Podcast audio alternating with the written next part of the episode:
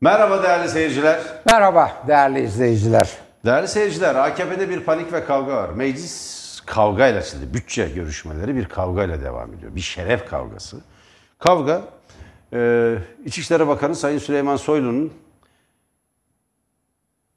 Sezgin Baran Korkmaz adlı kara para aklayıcısı, e, uluslararası kaçakçı, e, mafya işbirlikçisi, onun bunun malına çöken, Amerikan hazinesini ve e, maliyesini dolandırmaktan dolayı hakkında dava açılan ve Amerika Birleşik Devletleri'nin başvurusu üzerine Avusturya'da gözaltına alınıp tutuklanan bir kişiden söz ediyoruz. Sezgin Baran Korkmaz. Bunun özel uçağına Süleyman Soylu binmiş. Ücretini ödediğini söylüyor o dönemde. Yani bir e, uçağı kiraladığını söylüyor. Ama o fotoğraf ünlü. E, her yerde var. Ünlü bir e, görsel malzeme haline geldi ve bütün gazetelerde, televizyonlarda kullanılıyor. Bunun üzerine bunu bunu yani e, o fotoğrafı mecliste gösteren e, Cumhuriyet Halk Partisi milletvekiline şerefsiz diyor Süleyman Soylu. Şimdi ben e, o kadar enteresan ki bugün Sayın e, AKP Genel Başkanı da Cumhuriyet Halk Partisi liderini dün mecliste yaptığı ya bütçe konuşmalarında dün önceki gün yaptığı bütçe genel görüşme, genele hakkındaki görüşmedeki etkili bir konuşmaydı. Bir el hareketini AKP sıralarına yönelik müstehcen bir hareket diye yorumlayıp bunun üzerinde tepinmeye çalıştılar. Konuşmanın içeriğini, e, muhalif karakterini, AKP iktidarının bir yağma düzeni kurma girişimine dair somut örnekleri ve eleştirileri bir kenara bırakarak tartışmayı bu zemine çekmeye çalıştılar. Olmadı çünkü o harekete çeşitli açılardan baktığınızda zaten öyle bir tablo yok. Yani söz konusu hareketi ya müstehcen ya da o ayıp el işaretini yani erkek argosunda yer alan o ayıp el, işaretini yapmadığı anlaşılıyor. Velev ki yapmış olsun kastı ve niyetin ne olmadığı açık. Yani bir gayri ihtiyari yapılan bir hareket. Onu kastederek meclis böyle terbiyesizlik görmedi dedi. Yani Sayın e, Cumhurbaşkanı sıfatını da taşıyan AKP Genel Başkanı Sayın Erdoğan'a burada sormak isterim. Önüne gelen birbirine ana avrat küfrediyor. Meclis tutanaklarına bakın. Ya tutanakların yüzü kızarır. Yüzü kızarır. Mecliste sinkaflı küfürler edilirken sizin bakanlarınız ona buna şerefsiz diye bağırır ve hakaret ederken meclis böyle bir terbiyesizlik görmemiştir diye şey e, gayri ihtiyari yapılan bir hareketi örnek göstererek partinize yönelik eleştirilerin üzerine örtmeye hatta bastırmaya çalışıyorsunuz. Yok öyle ya. Yani görüntüler ortada, sözler ortada, bugünkü kavga da ortada. AKP'liler saldırdı ve CHP'liler bu saldırıya karşı koydular. Olay bu. Olay bu. Neyin üzerine örtmeye çalışıyorsunuz? AKP'de büyük bir panik var. Büyük bir çözülme ve panik var. Neyin paniği bu? Bir tür suçüstü yakalanmanın paniği. Gidiyorlar, iktidarı kaybediyorlar ama o kadar çok suç işlenmiş, o kadar çok yolsuzluk, usulsüzlük yapılmış ki. Bakın bir ahlak tartışması yapılacaksa dört maaş birden alan, çeşitli yönetim kurulu üyeliklerine, kamu kuruluşlarına dağıtılarak dört maaş birden verme ahlaksızlığı ortadayken tırnak içinde bir siyasi bir toplumsal ahlaksızlıktan söz ediyorum. Ortadayken, ortadayken kalkıp onun bunun ahlakını sorgulamaya çalışmayacaksınız. Gayri ihtiyari yapılan bir hareket üzerine. Meclis bugün kavgayla açıldı ama bu kavga, bu kavga AKP'nin AKP'nin bir panik kavgasıdır. Birisi AKP'de e, bu kavgayı başlattı diye bakmayın.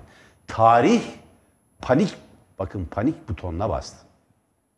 AKP'liler alarmda, bütün suçluların telaşını yaşıyorlar ve iktidardan gitmemek için ellerinden geleni yapmaya çalışacaklar. Baskıyı artırıyorlar, haberleri iletişim yasağı koyuyorlar.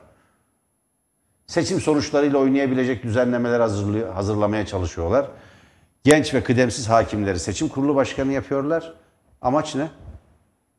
İktidarda kalmak. Neden? Neden iktidarda kalmak? Halkın iradesi, milli irade önemli mi? Hayır değil. Hayır. Onlar için kutlu dava önemli. Demokrasi bir tramvay. İstedikleri yerde inecekler. Zaten totaliter bir rejim kuracaklarını ilan ederek bu niyetlerini açığa, açıktan ifade ederek geldiler. Bunlara sadece liberal ahmaklar inandı. Buyurun hocam. Evet.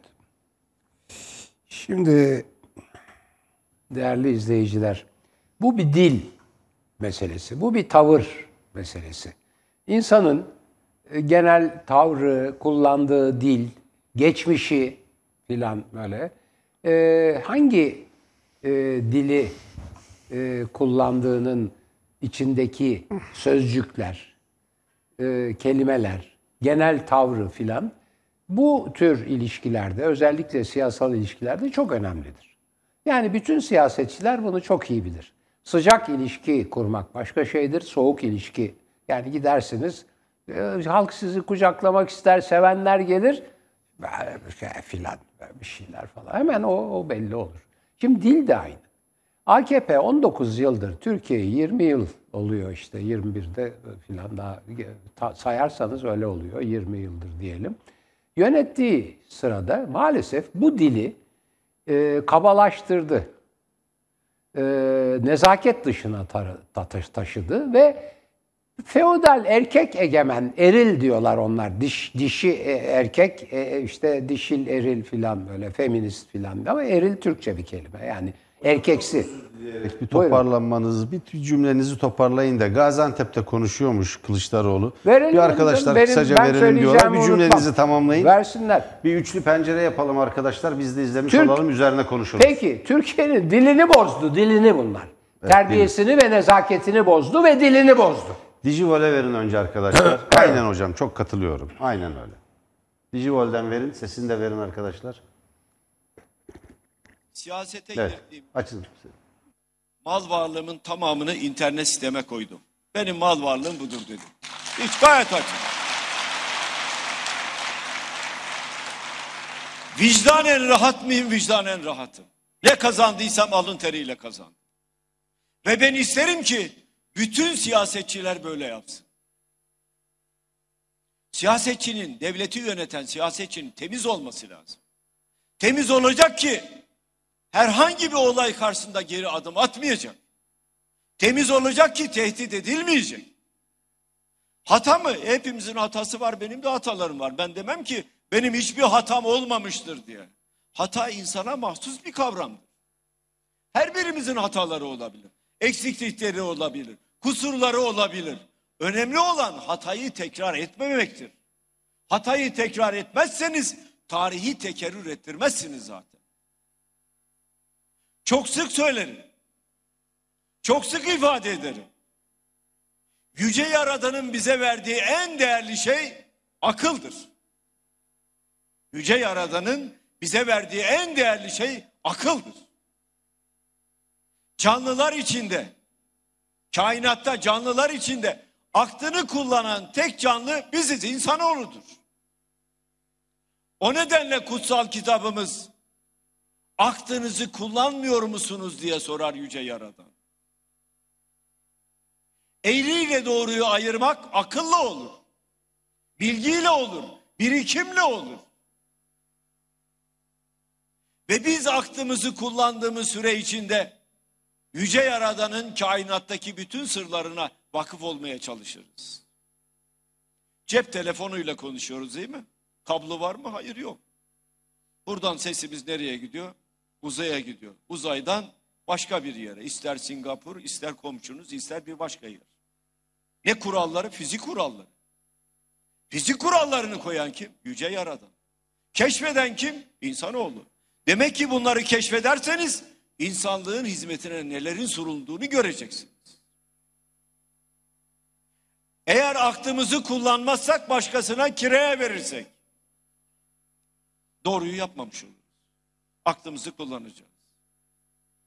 Kainatın sırlarını çözmek kadar güzel bir şey yok. O geleceğimiz açısından, çocuklarımız açısından da son derece değerlidir. Hep söyledim. Camiye, kışlaya, adliyeye siyaseti sokmayın. Bir daha ifade edeyim. Camiye, kışlaya, adliyeye siyaseti sokmayın. Sokmayın buraları. Buralara siyaseti sokarsanız toplumu ayrıştırırsınız, toplumu bölersiniz. Ayrıştırdılar mı toplumu ayrıştırdılar. Böldüler mi böldüler. Gerçekçi olalım. Soruyoruz komşumuza. Bir bak bakalım bunun inancı nedir? Bak bakalım kimliği nedir? Bak bakalım yaşam tarzı nedir? Demiyoruz ya bu Allah'ın yarattığı bir insan kardeşim. İnancını senin ölçme yetkin var mı? Böyle bir terazi sana verildi mi? Verilmedi. Böyle bir yetki peygambere verilmeyen bir yetkiyi bir başkası kullanabilir mi? Kimin daha inançlı, kimin daha az inançsız olduğunu kim bilebilir yüce yaratandan başka? Şimdi inancı sorguluyoruz. Yazıktır, günahtır. Ayrıştırmayalım toplumu. Kimliği sorguluyoruz. Ya hangimiz anne babamızı seçme özgürlüğüne sahibiz? Hangimiz? Bir anneyle bir babayla sonunda bizler oluyoruz. Her birimizin kimliği kendi şerefimizdir. Her birimiz kendi kimliğimize şeref duyarız, onur duyarız. Ama bu siyasete malzeme olmaz. Siyasetin konusu olmaz. Kimlik siyasetin konusu olur mu? Benim elimde olmayan bir şey nasıl siyasetin konusu olur? Başkan eşit yurttaşlık. Evet bu ülkede 84 milyon yaşıyorsak 84 milyon da aynı şekilde vatanseverdir. Aynı şekilde yurtseverdir. Aynı şekilde hepimiz eşit vatandaşız. Öyle olmak zorundayız. Benim inancımdan ötürü, kimliğinden ötürü, yaşam tarzından ötürü beni ötekileştirirsen o zaman eşitlik kaybolur. Ben ikinci sınıf vatandaş olurum. Bizim ne anayasamızda, ne yasalarda, ne evrensel hukukta, ne de inancımızda ikinci sınıf vatandaş yoktur. Herkes vatandaştır. Allah'ın yarattığı bütün canlılara, hatta bütün kainata saygı duymak zorundayız. Her yaratılanın bir sırrı vardır. Onu keşfetmek zorundayız. Buna bakmak zorundayız. Efendim, helalleşmeden söz etti Sayın Başkan. Evet. Artık bizim helalleşmemiz lazım. Çok bölündük, çok ayrıştık. Çok kavga ettik. Bu ülkede başbakanlar idam edildi. Bakanlar idam edildi. Gencecik fili, fili, filiz gibi çocuklarımız idam edildi. Kimimiz alkışladık, kimimiz öfke duyduk. Başkası idam edildi, kimisi başkası alkışladı, kimisi öfke duydu. Bunları bir tarafa bırakmak zorundayız. Ve oturup helalleşmek zorundayız. Eski yaraları politikacılar kaşırlar. Eski yaralar, yaraları. Kaşıyalım da oradan oy alalım diye. Buradan da çıkmak zorundayız. Eski eskide kaldı cancağızım diyor Yüce Mevlana. Değil mi? Yeni şeyler söylemek lazım. Ya kendi tarihimizi bile bilmiyoruz. Dolayısıyla bu topraklar bereketli topraklardır. İlim, irfan topraklarıdır bu topraklar. Bu topraklarda Mevlana'lar, bu topraklarda Hacı Bektaşlar, bu topraklarda Yunus Emre'ler, bu topraklarda Ahi Evranlar yaşadı arkadaşlar. Ve bunların tamamı bize sevgiyi öğrettiler. Aşkı öğrettiler. Beraber yaşamayı öğrettiler. Ahlakı, edebi, irfanı öğrettiler. Bilgiyi öğrettiler bize. Okumayı öğrettiler. Okumanın ne kadar değerli olduğunu öğrettiler. Sevgili peygamberimiz ne diyor? İlim Çin'de de olsa gidin öğrenin. İlim Çin'de de olsa. Hazreti Ali ne diyor? Bana bir harf öğretenin 40 yıl kölesi olurum. Bilgiye, bilime, ilime, İslamiyet kadar önem veren vallahi ikinci din bilmiyorum. Ama biz gerçekten de bilime bu kadar önem veriyor muyuz acaba? Hakkını yerine getiriyor muyuz? Orada şüphelerim var. Getirmiyoruz. Siyaseti bir ayrışma aracı, vatandaşı bölme aracı değil. Siyaseti iyilikte yarışma aracı olarak görmemiz lazım.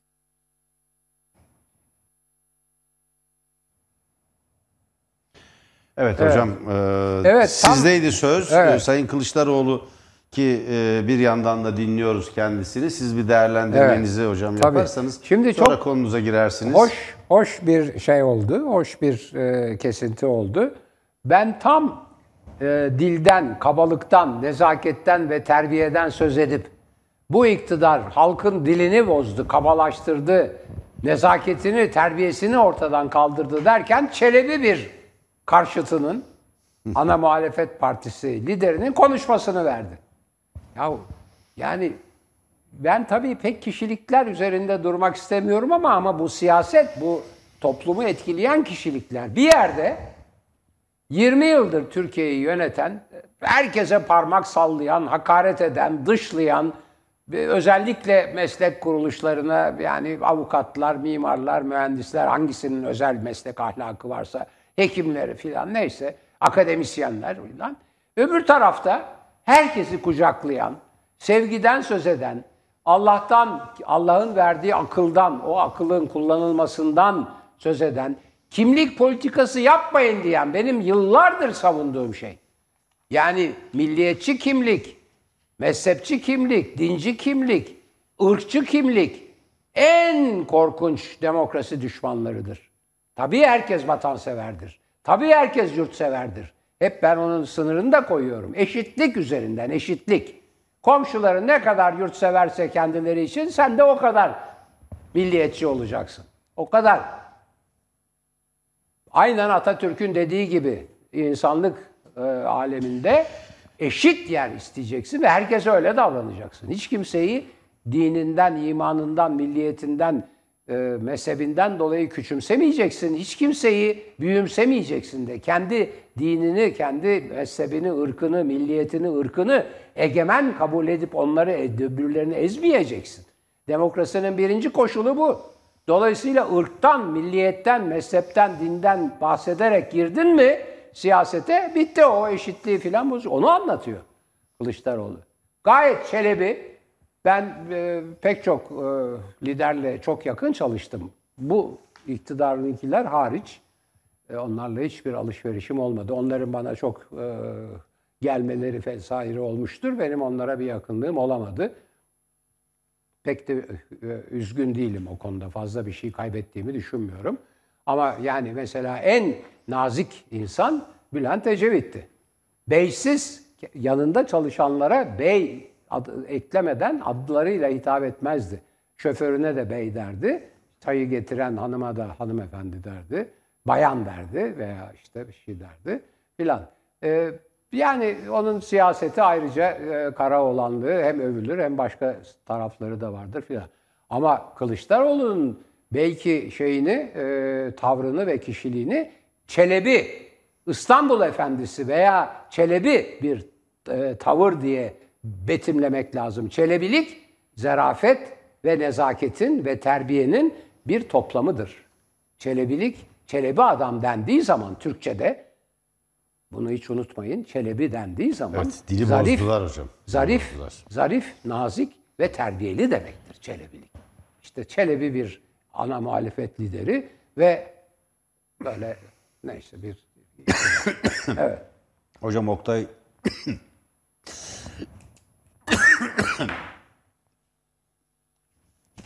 Affedersiniz. Helal, helal. Cumhuriyet Gazetesi'nin e, çok kıdemli, şimdi e, vefat etti ve Türk e, edebiyatının da çok büyük isimlerinden biridir Oktay Akbal. Daha evet.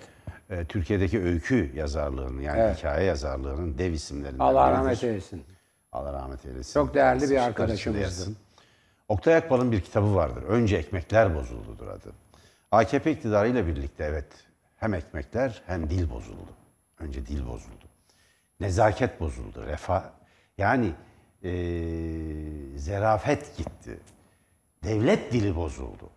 Devlet dili, devlet görgüsü, geleneği bozuldu. Kanunların dili bile bozuldu. Çünkü kanunlar genel müdürlüğünde diliyle, Türkçesiyle oyna şey yapılır, ilgilenilir ve metinler düzeltilirdi. Bir vasatlaşma, bir eee, sıradanlaşma, bir nitelik kaybı, niteliksizleşme yaşanmaya başladı. Kötü olanın öne çıktığı, iyi olanın elendiği bir düzen kuruldu. Bakın kötü olanın öne çıktığı, vasıfsız olanın, daha kötü eğitim görenin, eğitimsiz olanın, vasıfsız olanın, niteliksiz olanın. Bakın eğitimsizler kötüdür demiyorum. Eğer siz TÜBİTAK'ta yani Türkiye Bilimsel Araştırma Kurumu'nda başkan olacaksanız eğitimsiz olamazsınız. Ama hayvanat bahçesinin müdürünü getirip TÜBİTAK'ın başına koyarsanız işte burada başka bir sorun var demektir. İnanç merkezli bilgi anlayışını akıl ve bilim merkezli bilgi anlayışının yerine geçirmektir bu. Dil de bozuldu. O bakımdan hocam son derece haklısınız. Hemen bir başka konuya girelim. Ben dün e, Katar'da ne oluyor, Evet. ne bitiyor? Bunu bugün anlatacağız demiştim. Hocam e, Birleşik Arap Emirlikleri ile yapılan anlaşma 12 10 anlaşmanın 10'unu da burada söyledik. 12 anlaşma. İncelemiştiniz. İncelemiştik. Ne demiştik? Bunların tamamı mutabakat muhtırasıydı. Hep söyle bitiyordu. Somut hiçbir şey yok. İstenen şu sadece değerli seyirciler. Bu ekonomik krizi görece rahatlatacak, biraz rahatlatacak, AKP iktidarını seçime kadar taşıyacak kayıt dışı bir para akışı sağlanır mı sağlanmaz mı? Yani felaket, yani e, yoksullaşma, yani açlık ve sefalet devam edecek. AKP iktidarı geçici bir rahatlama yaratabilir miyim? Bir yerden para bulabilir miyim telaşı içinde? Türkiye'nin bütün varlıklarını, bütün varlıklarını peşkeş çekmeye, yağmalamaya hazır bir anlayış var ortada. Bütün varlıklarını. Somut hiçbir şey yoktu. Bakın e, Birleşik Arap Emirlikleri ile geldi ya emir. Birleşik Arap Emirlikleri e, El Nahyan. Şeyh Muhammed bin Zayed El Nahyan. Velihat Prens. Geldi ya anlaşmaya bakın. Anlaşmalara bakın. Abu Dhabi Kalkınma Holding ile Türkiye Varlık Fonu arasında mutabakat muhtırası. Abu Dhabi Kalkınma Holding ile Türkiye Varlık Fonu arasında işbirliğine yönelik mutabakat muhtırası. Ben haber merkezinde haber toplantısında bunları sıralarken bir arkadaşımız dedi ki abi bu, bu maddeler ayrı ayrı mı? Evet dedim ayrı ayrı. Hepsi o kadar birbirine benziyor ki. Ayrı anlaşma. Evet. Ayrı anlaşma. Ayrı anlaşma. Abu Dhabi Kalkınma Holding ile Cumhurbaşkanlığı Yatırım Ofisi arasında mutabakat muhtırası diye devam ediyor. Somut hiçbir şey yok. Somut hiçbir şey yok. Katar'da ne oldu? Katar'a geliyorum şimdi. Değerli seyirciler sıkı durun. Türkiye Cumhuriyeti Kültür ve Turizm Bakanlığı ile Katar Devleti Kültür ve Spor Bakanlığı arasında 2022-2023 yılları arasında kültürel alanda ikinci uygulama programı olarak Türkiye Cumhuriyeti ile Katar e, Devleti hükümeti arasında bula bula bula bula neymiş? Mutabakat muhtırası imzalamış. İmzalayan kim? Spor Bakanı Şeyh Abdurrahman bin Hamid El Tahani. Bu kraliyet ailesinden. Orada aileden olmayan kimse bakan olmaz. Yok. Hiç kimse olmaz. Hepsi de şeyhtir.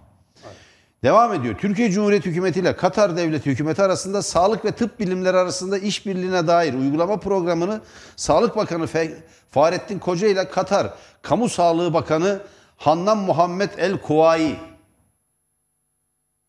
işbirliği anlaşması imzalamış. Türkiye Cumhuriyeti Diyanet İşleri Başkanlığı ile Katar Devleti Vakıflar ve İslam İşleri Bakanlığı arasında vakıflar ve İslam işler alanında işbirliği mutabakat zapt, zaptı. Bunların hepsi mutabakat zaptı. Burada da mutabakat zaptı diye geçiyor. İmzalanmış. Şimdi Ali Erbaş'a geleceğiz. Ali Erbaş demiş ki stokçuluk günahtır. Ali Erbaş'ın görevi iktidarın politikalarını İslam adına onaylamak değildir. Ya Cumhuriyet'in Diyanet İşleri Başkanı'dır ya AKP'nin Şeyhülislam'ı Din İşleri Daire Başkanı'dır. Din işlerinden sorumlu Genel Başkan Yardımcılığı eğer diye bir makam ihtas edeceklerse Sayın Ali Erbaş'a böyle bir makamı tercih etmesini tavsiye ederim. Geçelim.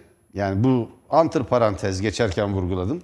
Cumhurbaşkanlığı Yatırım Ofisi ile Katar İş İnsanları Derneği arasında, iş insanları bizim çevremiz, arasında mutabakat zaptı. Bakın hepsi mutabakat zaptı. Sağlık Bakanlığı ile Katar Devleti Hükümeti sağlık ve tıp bilimleri alanında mutabakat zaptı imzalanmıştı. Biraz önce hep Şeyh El Tahni, Tahani ya da imzalı. Cumhurbaşkanı yatırım kim imzalamış bunları? Cumhurbaşkanlığı Yatırım Ofisi Başkanı genç bir e, bürokrat Ahmet Burak Dağlıoğlu ile Katar İş İnsanları Derneği Başkanı Şeyh Faysal bin bin Kasım El Tahani. Yani orada oranın TÜSİAD'ı gibi olan Katar Sanayici ve İş İnsanları Derneği'nin başkanı da kral şey Şeyh Sultan ailesinden. Emirlikten yani emir ailesinden. Kral ailesinden, saraydan. Anadolu Ajansı ile Katar Haber Ajansı arasında işbirliği anlaşması Doha'da Anadolu Ajansı Yönetim Kurulu Başkanı ve Genel Müdürü Serdar Karagöz ile Katar Haber Ajansı Başkanı Ahmet Said El Romahi tarafından mutabakat zaptı altına alınmış. Fatih Sultan Mehmet Üniversitesi ile Katar e, Üniversitesi arasında işbirliğine yönelik mutabakat zaptı imzalanmış. E, Türkiye Cumhuriyeti İçişleri Bakanlığı Afet ve Acil Yönetim Bakanlığı ile Katar Devleti İçişleri Bakanlığı Sivil Savunma Genel Müdürlüğü arasında afet ve acil durum işbirliği için mutabakat zaptı imzalanmış. Değerli seyirciler, yandaş medyanın büyük para geliyor. Büyük anlaşmalar yapıldı. Artık böyle Katar'la biz kardeşiz dedikleri anlaşmalar bunlar. Ne yapacaklar? Antalya'yı ve şey Marmaris'i sırf Orman Bakanlığı, Orman Bakanlığı orman yangınları sırasında meydana gelen molozları kaldırmadığı dere yataklarına dolduğu için e, Marmaris'i su bastı. Antalya'nın bazı ilçelerini su bastı. Katar bunları bunlara destek olmaya gelecek demek ki. Yani öyle anlaşılıyor. Anta Aa, Antalya'da var hocam. Antalya Diplomasi Forumu ile Doha Forum arasında kurumsal işbirliği tesis edilmesine yönelik niyet mektubu verilecekmiş. Galiba şu okuyacağım somut belki. Ee, COSGAP ve Katar Kalkınma Bankası arasında muka- mutabakat zaptı ve Türk Standartlar Enstitüsü ile Ka- Enstitüsü ile Katar Genel Standart, Standartlar Teşkilatı arasında standartlar alanında mutabakat zaptı. Büyük işbirliği bu işte değerli seyirciler. Buradan para geleceğini bize inandırmaya çalışıyorlar. Ama Katar Dışişleri Bakanı çok iyi. Niyeti çok net bir şekilde açıkladı. Hani dedi ya Reuters muhabiri bir soru sordu. Dışişleri Bakanı Mevlüt Çavuşoğlu'na. Türk ekonomisinin içinden geçtiği kabus, ki kriz demek istiyorlar. Yani Arapça tercüman çeviriyor. Kabus nedeniyle buradan para istemeye mi geldiniz dedi. Mali destek almaya mı geldiniz? Öyle kaldı. Ancak böyle 20 dakika, 15-20 dakika belki yarım saat sonra cevap verebildi. O arada Dışişleri Bakanı bir şey söyledi Katar Dışişleri Bakanı. Dedi ki ekonomik krizin yarattığı fırsatlardan yararlanmak üzere görüşüyoruz dedi. Nereden yararlanacaklar? Nereden ya neyden yararlanacaklar? Tank palet fabrikasını bu aşiret devletine sattılar değerli seyirciler. İşletmesini verdik diyorlar.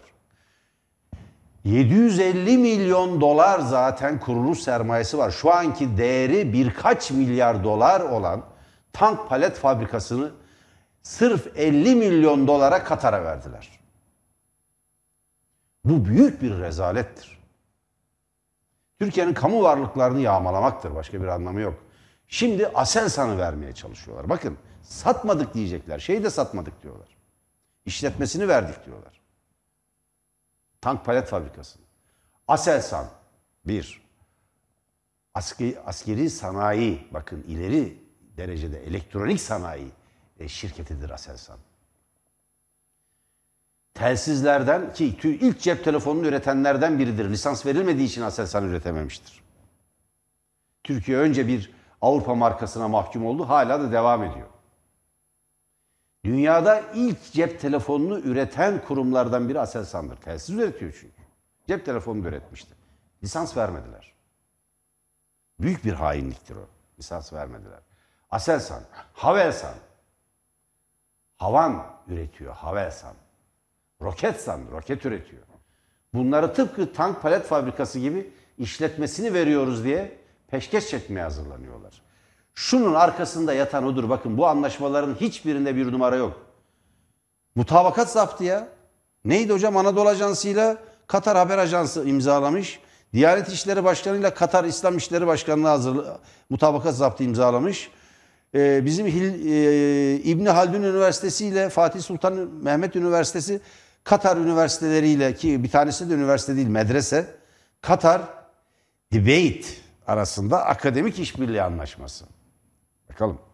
E Turizm Bakanları arasında orada da bir şey yok. 2020-2023 yılları için gençlik ve spor alanında uygulama programı yapmak üzere işbirliği anlaşması. Para nerede arkadaş? Yok. Yani e, bir de e, a- afet ve acil durum konularında işbirliği yapacakmış İçişleri Bakanları. Antalya Diplomasi Forumu ile onların foruma da bir ne yapıyormuş? kurumsal işbirliğinin tesis edilmesine yönelik niyet mektubu vermişler hocam. Nasıl? Ben seni seviyorum. Ben sana hayran, sen cama tırman. Gibi bir şey. Ve bu belki somut COSGAP yani e, KOBİ'lere, küçük ve e, orta dereceli işletmelere destek veren bir kurumdur. COSGAP. Kredi veren, onların projelerini değerlendiren. COSGAP ile Katar Kalkınma Bankası arasında mutabakat zaptı. Bu da zapt. Mutabakat zaptı var. Bir şey yok yani. Zabıt. Evet. Mutabakat zaptı. Yani bunların eline birer zabıt vermişler ve göndermişler. Pazarlık arkada. Açıklayacağım şeye geliyorum. Hemen sözü size veriyorum hocam. Pazarlık arkada. O pazarlığın konusunu Katar Dışişleri Bakanı söyledi. Neydi o? Derin bir ekonomik kriz hatta yıkım yaşayan Türkiye'de fırsatları değerlendirmeye çalışacaklar. Neyin karşılığında AKP 2023'te seçimleri alabilecek bir para bulabilirse para bulabilirse bütün bu adı geçen varlık fonundaki bakın varlık fonu burada da geçiyor hep. Varlık fonuna devrettikleri Ziraat Bankası vesaire her şey orada. Havelsan, makine kimya endüstrisi bunlardan hangisini satabilirse satacak. Tıpkı o 75 milyar doları betona gömdükleri gibi bunda seçime san, seçimi kazanmak için propaganda alanlarına gömecekler. Bu krizi, yoksulluğu, sefaleti, açlığı daha da artıracak. Olay bundan ibarettir. Buyurun hocam.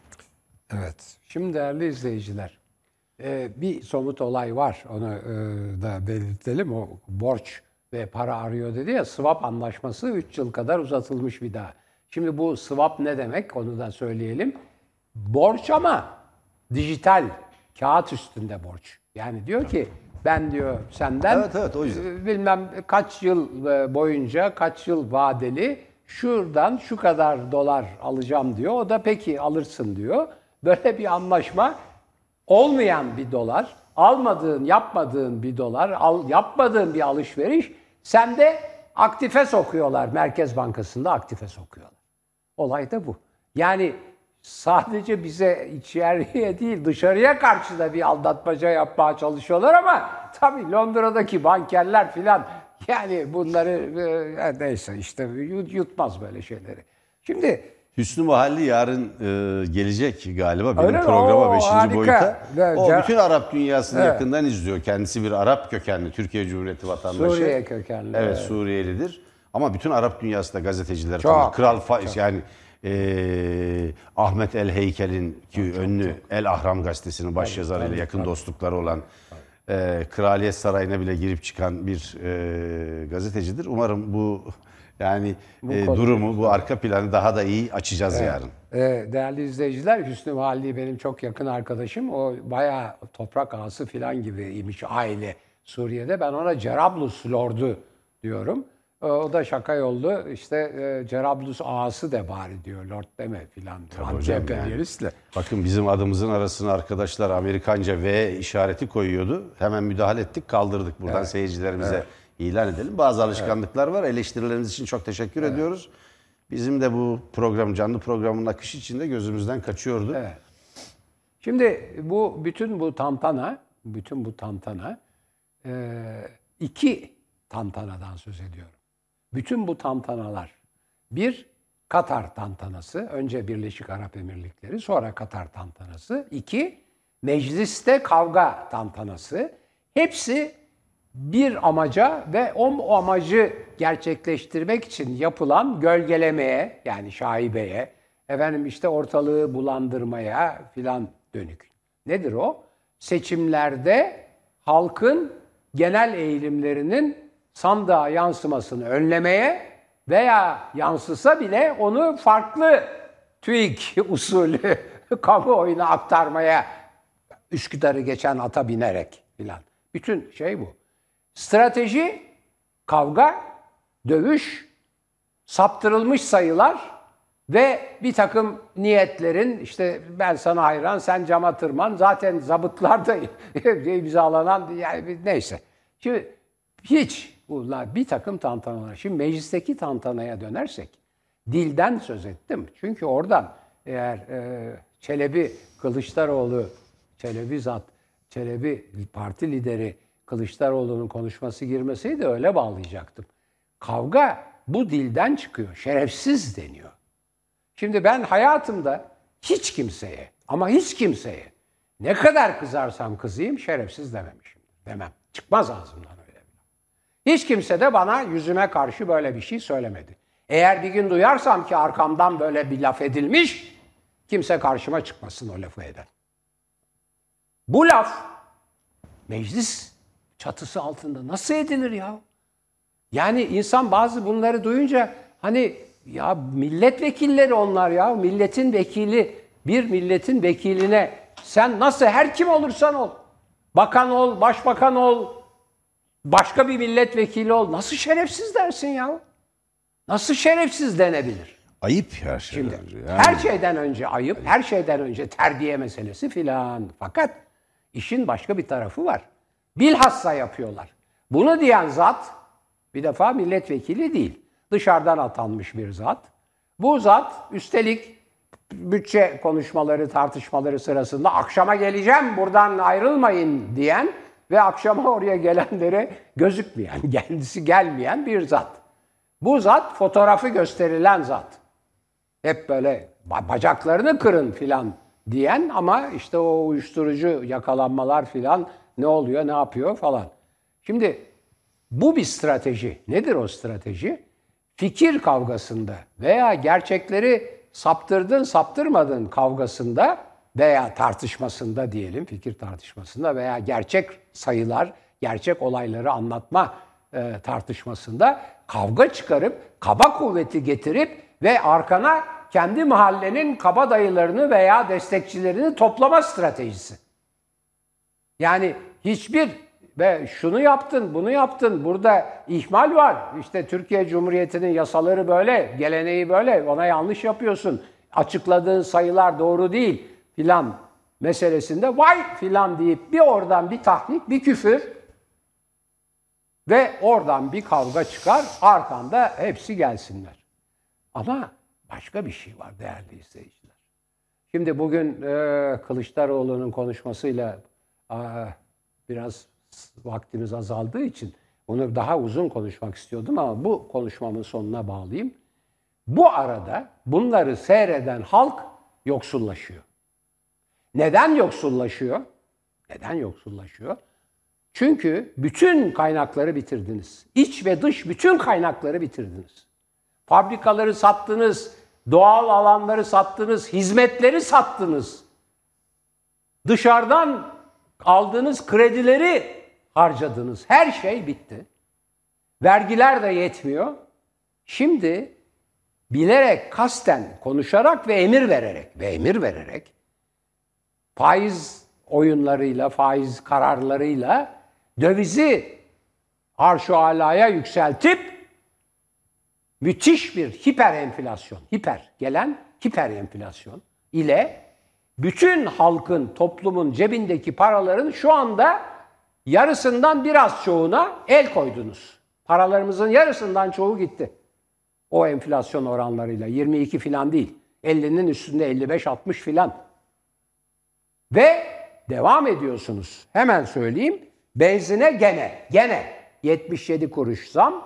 Motorine gene 31 kuruş zam. Bu arada içmeyin. Hakikaten sağlığa zararlı. Ben çok zararını gördüm.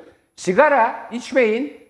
Yani ona bir, bir tek ona yapılan zam kabul edilebilir ama o da işte onu gösteriyor. Ona da 2 lira zam. Ama içmeyin sigarayı. İçmeyin. Gerçekten içmeyin. Yani eğer beni sayıyor, seviyorsanız içmeyin. İyi bir şey değil o. Ya başka şeylerden keyif ve zevk alın veya rahatlayın. Sigara içmeyin. Uyuşturucudan uzak durun. Sigara uyuşturucudan daha beter alışkanlık yapıyor. Yani uyuşturucu gibi çabuk öldürmüyor. Çünkü işte onun için daha vazgeçilmez bir alışkanlık yapıyor. Neyse o nutku keselim. Bu yoksullaşan halk bu tantananın esasını görüyor kardeşim.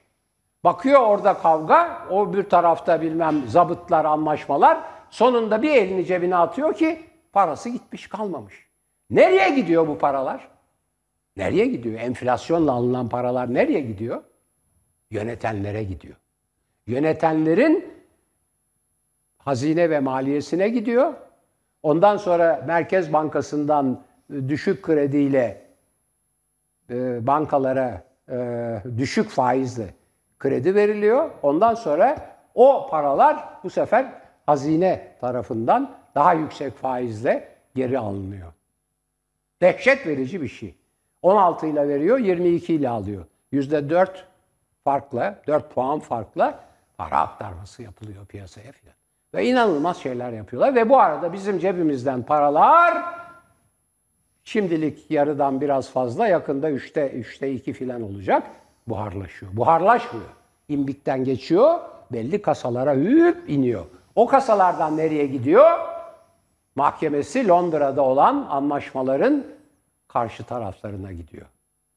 Bütün bunlar size bir şey ifade etmeyebilir. Demokrasi de ifade etmeyebilir, laiklik de ifade etmeyebilir. Ama açlık ve yoksullaşma önemlidir. Çünkü bu iktidarın ekonomik ve mali politikası halkın refahını arttırmak değil, kendilerini kalkındırmak. Buyurun. Hocam şimdi siz swap anlaşması da uzatıldı dediniz ya.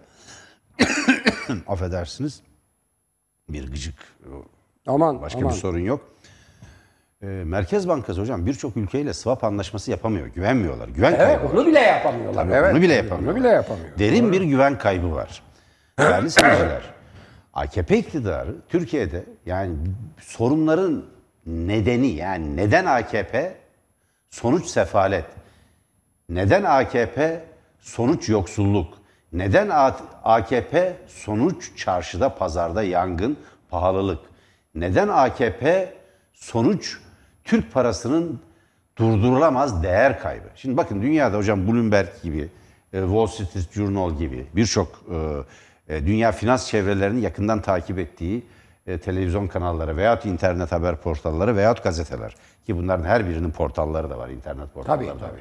Buralarda yapılan analizlerin tamamı buna dayalı. Artık AKP'nin Erdoğan'ın vakti kalmadı deniyor. Şimdi e, faizi düşürerek, faizi düşürerek e, ihracatın finansmanını sağlamaya kalkıyorlar. AKP'li iş adamları, iş insanları, düzeltiyorum, iş insanları ve AKP'li politikacılar bile buna itiraz ediyorlar. Neden? Şu, çünkü e, onlar somut olarak ihracatın ithalata dayalı bir girdi üzerinden üretilen mallarla gerçekleştiğini bildikleri için Ayrıca karşıda, canları yanıyor. Karşıda bizim ihraç ettiğimiz adam onu bizden önce görüyor ve fiyat düşürüyor. Fiyat. bir fiyat düşüyor Yani hocam. öyle dedikleri gibi ihracat falan artmıyor. Evet durum şu, durum şu. Yani nasıl ki Edirne'deki marketler, Kırklar elindeki Edirne'deki bizim sınır ya da Tekirdağ'daki marketlere özellikle Bulgaristan'dan eee, Bulgar vatandaşları geliyor hafta sonu alışveriş yapıp dönüyorlar ya. Sepetlerini kocaman ağzına kadar doldurup gittikleri gibi şu anda dünyadaki spekülatörler, yağmacılar, vurguncular ağızlarının suyu adeta akarcasına Türkiye'de yağmalanacak mal arıyorlar. Olay bu. Bu bir ihracat değil değerli seyirciler. Türkiye'nin yağmalanması. Katar yağmalanması girişimiyle karşı karşıya. Katar Dışişleri Bakanlığı söylediği şey bu. Türkiye'nin yaşadığı ekonomik krizin sunduğu fırsatları değerlendireceğiz diyor. Tam deyim bu ya. Tam deyim bu. Mevlüt Çavuşoğlu buna itiraz ediyor. Yahu adamlara gitmişsiniz. Rabia işareti şuna dönmüş. Şu. Elinizi açmışsınız. Elinizi açmış para istiyorsunuz. Niye? Ve bakın hocam bir şeyle hemen size bırakıyorum tekrar. Yo, rica ederim. Sattıkları şeyler nedir hocam? O beğenmedikleri, yıkmaya çalıştıkları, vesayet rejimi dedikleri, parantez ilan ettikleri, Cumhuriyet'in yarattıkları, Tabii. Cumhuriyet'in inşa ettiği varlıklar, Cumhuriyet'in kurduğu işletmeler, fabrikalar, tesisler bunlardan başka ellerinde satacak da hiçbir şey yok. Çünkü hiçbir şey üretmediler. Yol köprü yaptıklarını iddia ediyorlar. Bunların birçoğu ticari değil. Çok açık bir şey soracağım. Çanakkale Boğazı'ndan geçen köprü ticari olarak kullanılabilecek bir köprü müdür? Hayır.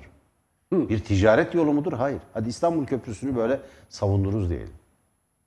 En fazla yarım saat bekleseniz feribotla geçiyorsunuz. En fazla denk gelmezse o da sıkışık olduğu yaz ta, eee, yaz aylarında. Peki ne olacak orayı? Bir ranta, bir Türkiye'nin topraklarını, Türkiye'nin doğal varlıklarını, doğal varlıklarını Ki doğal kaynaklar hani bir üretim modelinin en önemli parçalarından biridir. Yani işte nedir? Ee, emek gibi, sermaye gibi doğal kaynaklar ve doğal varlıklar bir ülke ekonomisinin önemli varlıkları arasındadır. Önemli kaynakları arasındadır. Ne yapıyorsunuz? 20 yıl borçlandırıyorsunuz. Dolarla, euro ile geçilecek. Bakın artık Avrasya geçidinden, 3. köprüden, Osman Gazi, Orhan Gazi köprülerinden ve otoyollarından artık daha pahalıya. Bugün 10 liraya geçiyorsanız, dün 10 liraya geçtiyseniz bugün 20 liraya, 30 liraya geçiyorsunuz artık. 100 100 küsur oldu şey geçiş. Örnek İz- vermek İzmit için söylüyorum. Evet, yani oran açısı. 100 ise 150, 1000 ise 1500 artık. Bu artmaya da devam edecek. Cumhuriyet'in kurumlarından başka bakın makine kimya endüstrisi Kurtuluş Savaşı'ndan hemen sonra Türkiye'nin iç kısmında güvenlik nedeniyle Kırklar elinde kurulan pardon Kırıkkale'de kurulan düzeltiyorum. Ankara'nın Kırıkkale ilçesinde şimdi il oldu. Kurulan Türkiye'nin ilk silah sanayi, savaş sanayi tesislerini parçalara bölerek, anonim şirketler haline getirerek peşkeş çekmeye hazırlanıyorsunuz. Ürettiğiniz, yarattığınız hiçbir şey yok iyi mi? Bir tane kurum var mı hocam? Hatırlıyor musunuz? Yok, hiç. Haksızlık mı ediyoruz ya? Hayır hiç, hiç üretim. Ben Haksızlık mı yazdım bunu yarına yazdım da onun için. Şimdi söz bana gelince Haksızlık mı ediyoruz ben merak ediyorum. Yani gerçekten şey e, biz yaptılar da görmedik mi? Yani ideolojik ön yargılarımıza mı kurban ediyoruz bazı şeyler? Hayır. Bakıyoruz ve yok. Çok nesnel bir şekilde değerlendirmeye çalışıyoruz. Yok maalesef yok. 20 yıl boyunca sırf sattılar. Ve betona gömdüler. İnşaat yaptılar. Müteahhitleri güçlendirdiler. Bakın apartman ve beton dökerek, apartman yaparak, gökdelen yaparak kalkınmış tek bir ülke yoktur dünyada. Bir hayaletler şehrine dönüştürürsünüz. Yaptığınız binaları da satamıyorsunuz zaten. Buyurun hocam. Evet. e, adı geçti diye ben şey ettim. E, şu anda baktım bunlar da artıyor. Orhan Gazi Köprüsü'nden geçiş birinci sınıf. Yani en ufak araçlar, otomobiller için 147,5 lira. yani Onlar ve- dolarla, yani dolar ve euro arttıkça onlar da Evet, artacak. şimdi bu arttı bile belki. Bu çünkü 21 2021 için yapılmış olan listeye ulaşabildim. Şimdi fazla derinliğine gidemedim. De, programa saygısızlık etmeyeyim diye. Bulduğum şey e, 147,5 lira. E, e, en ağır tırmır 371,5'a kadar çıkıyor. Yani böyle bir felaket. Şimdi değerli izleyiciler e, son olarak şunu söylemek istiyorum. İktidarlar, partiler niye iktidara gelir? Çok basit vaatlerle. Ne vaat eder? Ne vaat eder? Refah vaat eder. Önce refah. Sonra özgürlük. Sonra güvenlik. Bu sıra bu. Refah, özgürlük, güvenlik. Ve O güvenlikle özgürlüğün yer değiştirdiği faşistler önce güvenlik, hatta refahtan da önce güvenlik der. Hayır. Önce refah, sonra özgürlük, en sonra güvenlik. Özgürlük yani özgürlük ve refah olunca güvenlik zaten kendiliğinden gelir. Bunun için iktidara gelirler. Bu iktidarın bizi 20 yıl sonra getirdiği yer ne? Özgürlüklerimiz biçildi. Refahımız yarı yarıya neredeyse azaldı. Yani değerli izleyiciler, halkını yoksullaştıran ve kendi zenginleşen, kendi yandaşları, beş kardeşler, altı kardeşler vesaire zenginleşen ama halk yoksullaşan bir ülkede o iktidarda olan parti veya lider kalabilir mi iktidarda? Mümkün mü bu? Ne yaparsa yapsın gidiyor. Ne yaparsa yapsın. Evet hocam. Evet. Değerli seyirciler, bizden hemen sonra Evren Özalkuş'un hazırlayıp sunduğu Türkiye'nin Geleceği programı var. Çok önemli. Kemal Özkiraz, yani Avrasya Kamuoyu Araştırma Kurumu'nun şirketinin başkanı Sayın Kemal Özkiraz en son kamuoyu araştırmasını, en son anketi Tele1'de açıklayacak. Çok sürpriz sonuçlar var. Şaşıracaksınız. AKP artık açık ara ikinci parti. Açık ara ikinci parti oranlar Kemal Özkiraz'ın e, sunumuyla grafikler halinde Türkiye'nin geleceği programında olacak. Hemen e, diğer konuklarını veriyorum. Sayın Türker Ertürk. Emekli Tuamiral. Deniz Harp Okulu eski komutanı. Çok esaslı bir adam. Ergenekon çok, gibi kumpas davalarına itiraz ettiği için ordudan istifa eden, evet, çok esaslı bir arkadaştır. ordudan istifa eden Cumhuriyet'in generali, Cumhuriyet'in amirali. Çağdaş, bilgili, pırıl Ve pırıl bir denizci. amiraller kumpasına ki yeni iddianamesi açıklandı biliyorsunuz. Emir komuta zinciri içinde güya hareket etmişler diye bir darbe düzenli neredeyse Montreux konusunda bir e, açıklama yaptılar diye kendi alanlarında Boğazlar Sözleşmesi'dir bu. Türkiye'nin haklarını korur, Lozan'ı tamamlar. Bir açıklama yaptılar Montreux delinmesin diye. Emekli amiraller hakkında dava açtı bu iktidar. Bunu değerlendirecekler. Ve İyi Parti e, grup başkan vekili, meclis grup başkan vekili Erhan Usta olacak. Mecliste olan bitenleri ve Millet İttifakı'nın bu konudaki e, siyasetini anlatacak. Liberal Demokrat Parti eski genel başkanı ve iş insanı Sayın Cem Toker, sürekli yorumculardan ve Karar Gazetesi yazarı Sayın Mehmet Ocak'tan yine programın sürekli yorumcularından e, konuklarımız da programda olacak. Türkiye'nin geleceği programını kaçırmayın, Tele1'den ayrılmayın. Hoşçakalın. Hoşça kalın değerli izleyiciler. Hoşça kalın.